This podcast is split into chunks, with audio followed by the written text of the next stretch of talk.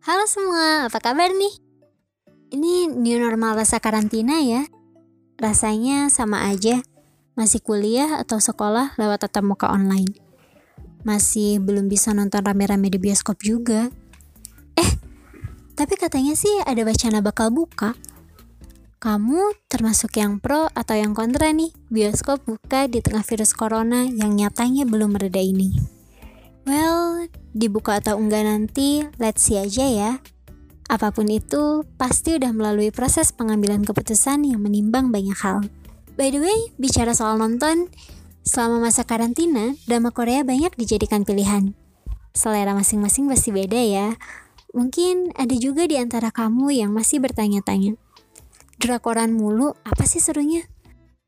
Atau yang menganggap drama Korea apaan sih itu tontonan anak bucin kurang kerjaan Gak gitu loh tapi drakor kan bukan cuma cinta-cintaan aja ceritanya eh out of topic nih ya for the information beberapa bulan lalu Korea Selatan berjanji bakal mengutamakan alat tes coronanya yang canggih ke beberapa negara. Ada tiga negara yang jadi prioritas. Salah satunya Indonesia. Keren banget sih ini. Soalnya perlengkapan terkait tes virus corona punya Korsel ini dikenal canggih dan banyak negara yang berlomba-lomba buat dapetinnya. So, buat kamu yang selama ini belum pernah ngedrakor, hitung-hitung balas budi ke Korea gitu, coba deh tonton drama dari negeri gingseng tersebut. Takutnya dari pandangan apa sih kamu ke mereka bisa jadi iya sih seru juga, terus malah ketagihan. Gimana ayo? Banyak drama seru yang keluar kemarin-kemarin.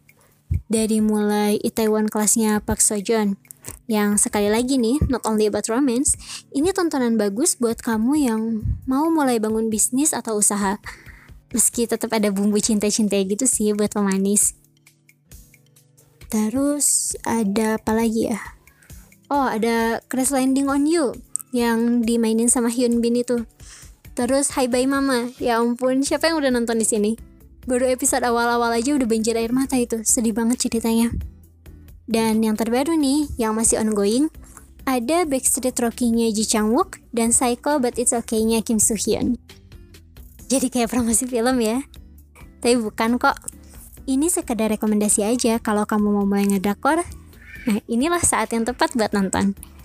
Mumpung di rumah aja, mumpung kuota nganggur nggak ada yang ngechat juga. Tapi tetap sewajarnya ya. Jangan 16 episode dihabisin sehari penuh juga. Jangan lupa kewajiban ibadah, sekolah, dan hal lain yang perlu diprioritaskan. Dan apa pun tontonan yang kalian saksikan, selalu ambil positifnya dan buang jauh-jauh sisi negatifnya. Selamat melanjutkan new normal life and happy watching!